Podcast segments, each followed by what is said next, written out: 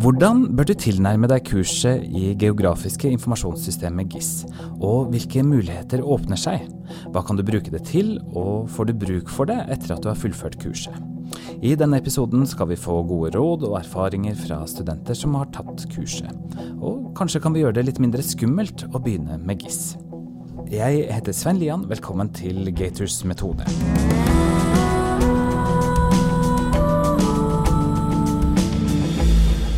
Dag har jeg med meg Signy Antonette Linge Killingmo, Ruben Mathisen og Bjørn Erik Hansen. Velkommen alle tre. Takk. Signy, du har tatt GIS-kurs på NFH, altså Norges fiskerihøgskole.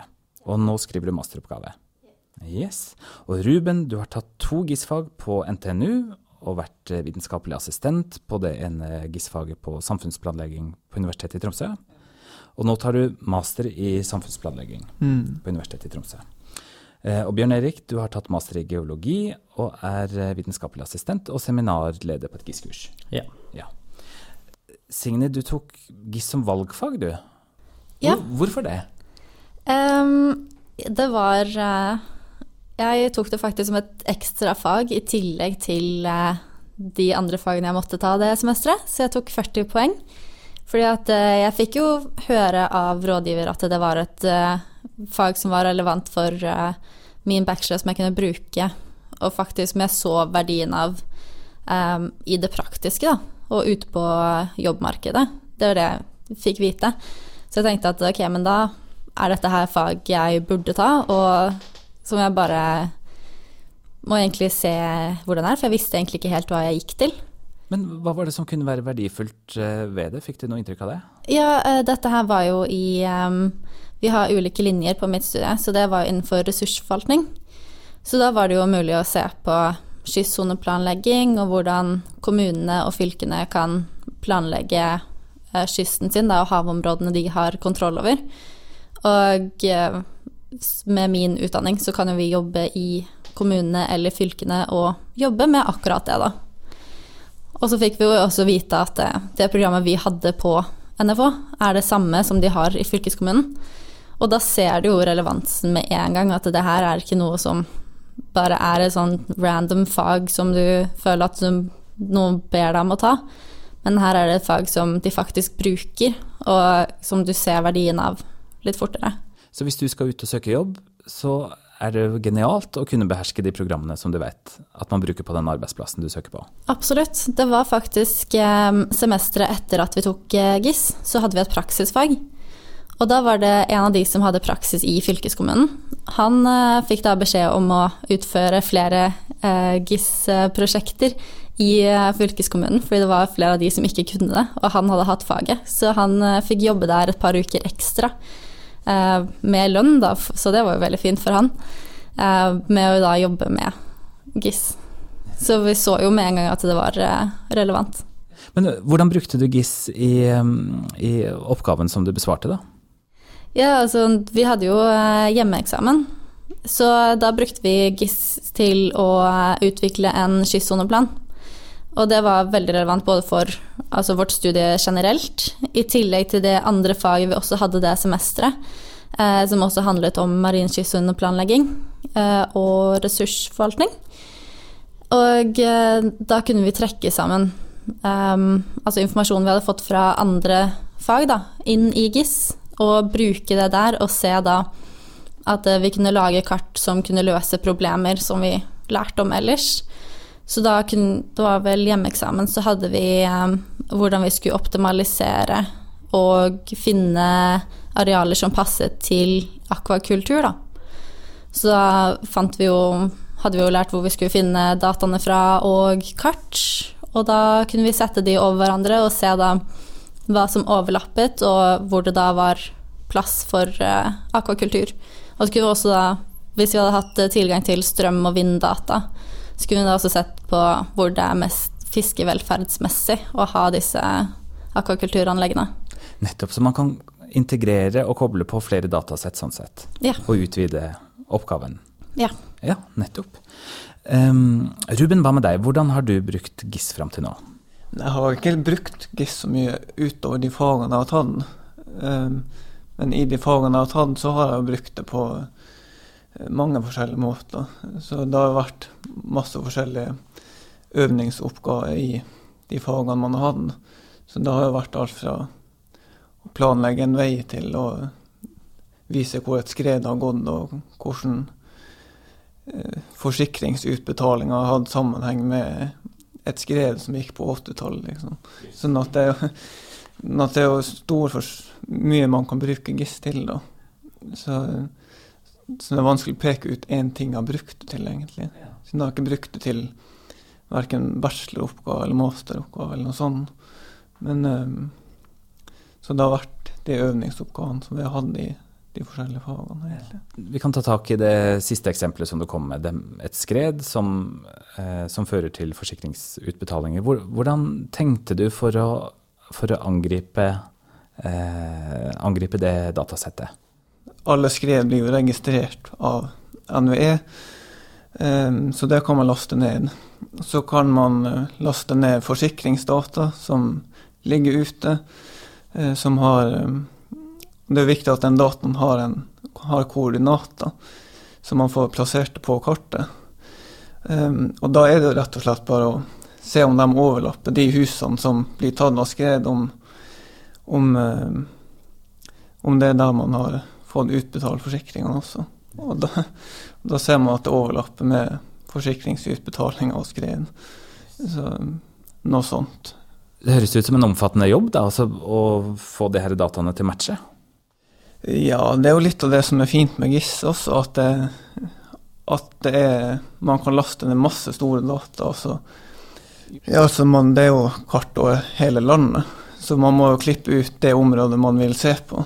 Og, og da lyser det ut av kartet de områdene som da overlapper. Man sitter jo ikke og trykker inn på kartet de, der det overlapper. Det er jo noe programmet gjør for deg. Så, så, det er jo litt av kanskje det som er bra med GIS, at, det, at man kan uh, gjøre ting som man ikke ellers ville gjort fordi det er for mye jobb. Men med GIS så blir det ikke så mye jobb. Dere nå har jo dere kommet til et punkt hvor dere mestrer eh, verktøyene, da. Eh, hva, hvordan kom dere dit? Var, var, det noe som var spesielt viktig, som førte til at dere klarte å knekke koden? Ja, altså Det er å jobbe med GIST og, og gjøre de oppgavene man, man, man får. Eh, se på YouTube og, og hente inspirasjon fra andre, og se hvordan man kan lage lage de kartene man vil ha. Eh, så det er ikke bestandig man det er ikke bestandig man vet hva man vil. Så da er det greit å hente inspirasjon fra andre, egentlig. Og se hva andre har lagd før, da. Kanskje du kan lage noe lignende med, de, med det datamaterialet du har. Jeg vil si at jeg knakk vel egentlig ikke koden i GIS før hjemmeeksamen. Men det er jo først da du skjønner hvorfor man begynner så enkelt i begynnelsen. Så vi fikk utdelt all ark hvor det var steg for steg eh, hva vi gjorde de timene. Og da kunne jeg da i hjemmeeksamen gå tilbake til de, um, til de første forelesningene og se at ja, ok, nå skjønner jeg hvorfor vi gjorde dette her, fordi at det, det passer jo inn i den metoden jeg skal gjøre for å klare å løse hjemmeeksamen. Så det var først da, og når det var noe relevant jeg skulle se etter, noe jeg skjønte, eh, og forsto hvorfor det var nødvendig å se etter akkurat det, da. Eh, at eh, jeg liksom endelig skjønte ok, det er sånn her man løser det. Og hvis jeg kan løse dette, så betyr jo det at det er veldig mange andre ting jeg også kan løse ved bruk av GIS. Og det først etter hjemmeeksamen at jeg egentlig skjønte hvor mye GIS kunne bli brukt til. Og jeg har også senere da lest på ja, i nyhetssaker og Um, egentlig jobbannonser også, hvor jeg bare sånn Å ja, jeg vet faktisk hvordan man løser dette her. Så jeg har liksom endelig sett sånn derre Å ja, ok. Tidligere så hadde jeg ikke skjønt noen ting av det. Nå er det litt mer sånn Ja, ok, men det der er en enkel måte å løse det på. Du kan jo egentlig bare sette disse to parametrene inn i GIS og finne svaret på en ganske enkel måte. Men det krever litt innsats å komme dit, gjør det ikke det? Jo, jeg vil si at det tar, det tar jo litt tid, og man må begynne veldig enkelt. Um, så det er veldig basic først, før du da ja, før du kommer inn i hva GIS egentlig kan løse. Hva tenker du Bjørn Erik, om, om terskelen for for å komme til et OK nivå? Nei, det er som, som diskutert, da, at, eh, at man må jo eh, sette litt tid da, og gjøre oppgavene som gis, og eh, ta litt steg for steg i starten. Og etter hvert da, så får du jo et lite lager da, med fremgangsmetoder for å løse ulike problemer. og Da kan du etter hvert begynne å sette de sammen og bruke de på kryss og tvers for å få det resultatet du ønsker. da. Så personlig så var det måten jeg knakk koden på, da, var jo egentlig å leke litt med det på egen fritid. da. Med å prøve å finne svar på problemer og ting som jeg lurte på på sider. Sånn som eh, Av en eller annen grunn så har en artikkel jeg leste for mange mange år siden i Stavanger Aftenblad om, eh, om noen forskere som påstår at folk ville gå så og så langt til et busstopp. Hvis ikke, så ville de heller ta bil. Eh, og så når jeg flytta til Tromsø, da, så la jeg merke til at det er veldig tett mellom busstoppene rundt omkring på øya. Uh, og så det jeg gjorde da, at jeg fant jo tak i, i dataene som viser alle busstopper. Og så kan du sette inn uh, en radius, da, så se hvor langt det er for, i forhold til hvor folk bor, da, og hvor langt de har å gå til, til, til busstoppet. Da. Og da kan du liksom starte der da, med å trekke noen slutninger i forhold til dette. da. Uh, og på den måten så fikk jeg jo lekt meg litt med å hente inn data og, og analysert den dataen og, og, sånt. da. Og det tror jeg kan være en fin måte å, å, utforske litt, da. For det handler jo litt om at du må tørre å trykke litt og, og bruke og utforske programvaren. da. For det er mange muligheter. Ja, det, det er egentlig ganske viktig at man, man vet hvor man skal hente data ifra også. Siden det er jo ikke du som skal lage masse data til alle de analysene man eventuelt skal gjøre eller illustrere. Eller, de finnes jo ofte der ute. Eh, så man må nesten bare laste ned det man tror er relevant, og leke seg med det. Og trykke litt vilt rundt omkring. Eh, så er det jo eh, da, lærer man seg på en måte programvaren. Men så er det også noe som ligger bak programvaren, som man også må skjønne. Så det er litt viktig at man leser leser i litteratur og pensumbøker og alt man har, for å skjønne hva man egentlig holder på med. Man kan lage masse fancy kart og laste ned data fra alt mulig rart, men hvis man ikke på en måte skjønner hva som ligger bak det man gjør, så er det vanskelig å, å bruke det til noe relevant seinere. Men at det er overførbart til andre oppgaver senere, om så i arbeidslivet eller i oppgaver, eller uansett. Er det noe som du syns er spesielt viktig i pensum eller i faget, da, som du, som du vil tipse lytterne om? Det er egentlig helheten i det, at man får At man ser at det ikke er ett verktøy som liksom er hele greia, men at man må ha en helhet for å få, få det til. Da. Så, det er egentlig bare å skaffe seg oversikt. Da, tror jeg.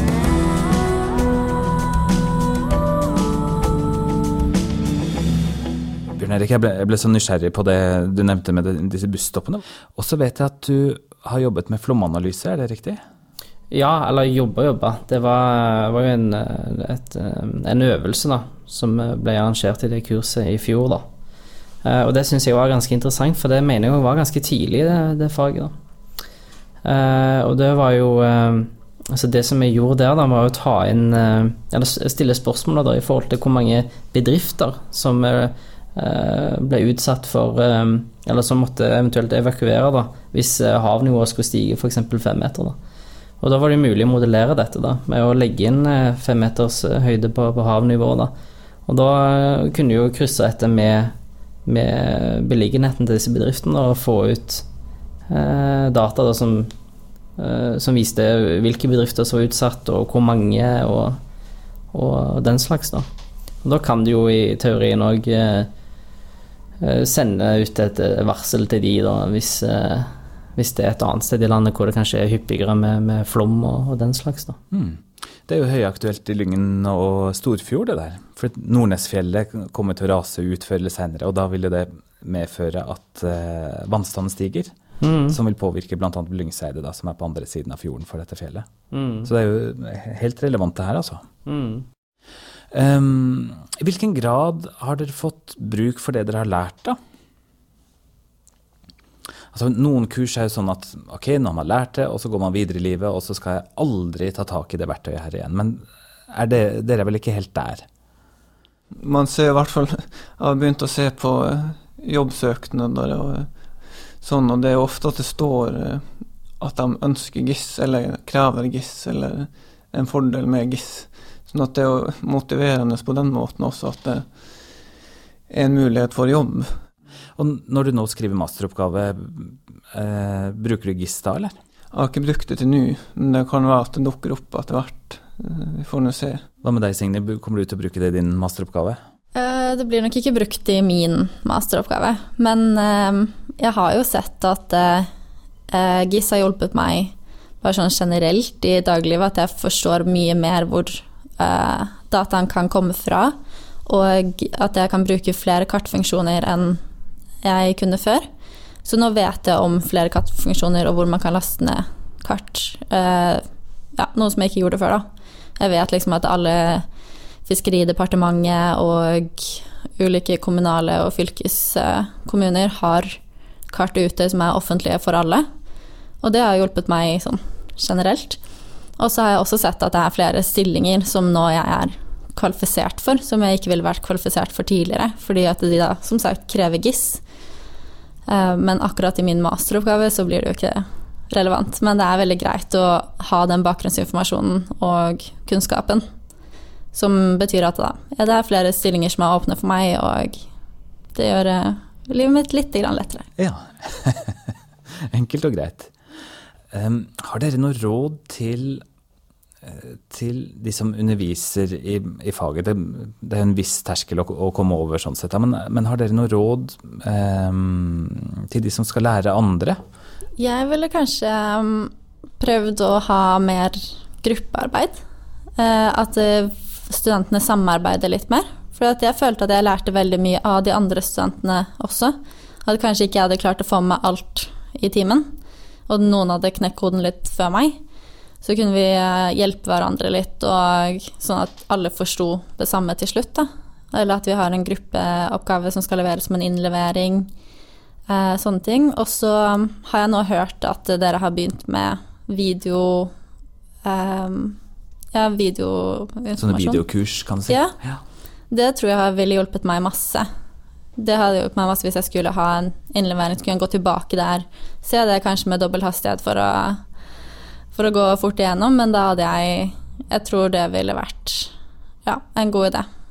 Ja, jeg er også enig i det. Ofte sånn video, det det er veldig bra. Om så man lager video sjøl, hvis, hvis ikke lærerne gjør det for deg. Så, men um, så det å se på video er egentlig veldig, veldig bra tips, syns jeg. Mm. Um, og så alle de GIS-kursene jeg hadde, i hvert fall, så får man en, sånn, en slags bruksanvisning på hvordan man skal løse de oppgavene man får, eh, og sånn steg for steg, sånn som du også hadde. Um, og da syns jeg ofte at man bare blir sittende og trykke frem. Og så steg for steg, trykk der og trykk der, og så plutselig så spretter det bare opp masse eh, rart, og så vet man egentlig ikke helt hvorfor man gjør det man gjør.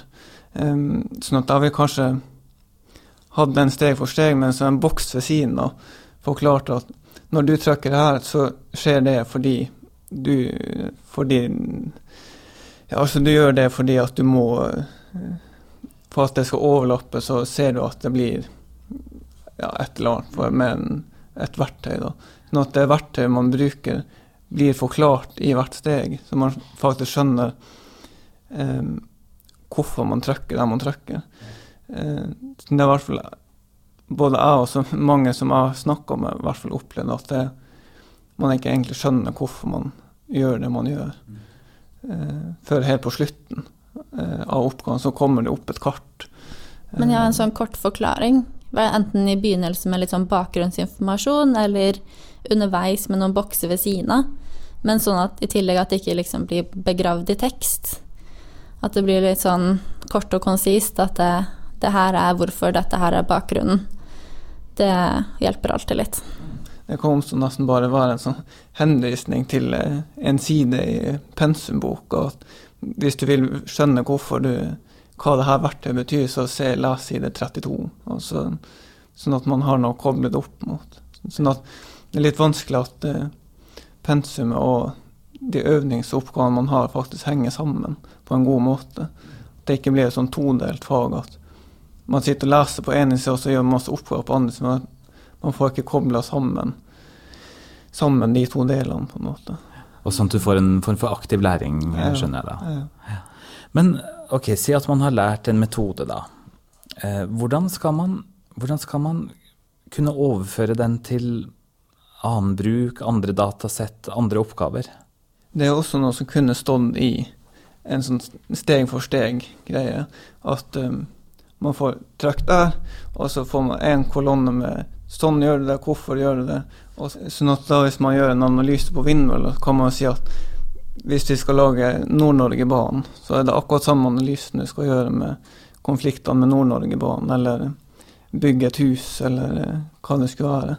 Sånn at man får satt opp en kolonne med at eh, sånn kan du også bruke det på et helt annet datasett. Ikke sant? Et, hvis du tar det og det naturinngrepet, så påvirker det de og de næringene, sånn sett. Det er helt- overførbart, det, ja. Det, det koker jo litt ned i dette med kreativitet igjen, tenker jeg da. Eh, for det handler jo om at du må jo lære deg å bruke Altså Du kan se på det som en verktøykasse. da Når du først har forstått hvordan sagen fungerer og drillen, drillen funker, da så kan du jo bruke den til ulike oppgaver. da Og det er jo litt eh, sånn dette verktøyet funker òg. Så um, veldig mange av de analysene er jo fullt mulig å bruke i andre situasjoner, da. Men det som kanskje er den store læringen her, da, eller det som er utfordrende for mange, det er jo å vite når de skal trekke inn eh, disse ulike verktøyene for å løse de ulike problemene, da. Eh, Så disse videoene sånt som vi, har laga, de hjelper jo i stor grad i forhold til det med å hjelpe eh, studentene med å vite hva de skal trykke på for å få ut den dataen som, som Ruben snakket om. da. Men så er det jo den her koblingen i midten, da. Å vite litt om hva som skjer i bakgrunnen, og hvorfor du, du trykker på den knappen. da. Det er jo vel så viktig. da. Signe Linge Killingmo, Ruben Mathisen og Bjørn Erik Hansen, tusen takk for at dere var med i Gators metode. Og til deg som hører på, lykke til med kurset.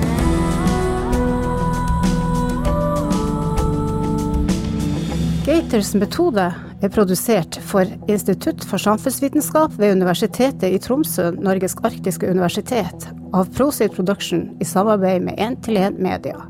Prosjektleder er førsteamanuensis Camilla Bratland, produsent er Espen Holm, og Svein Harald Lian står for research og programledelse.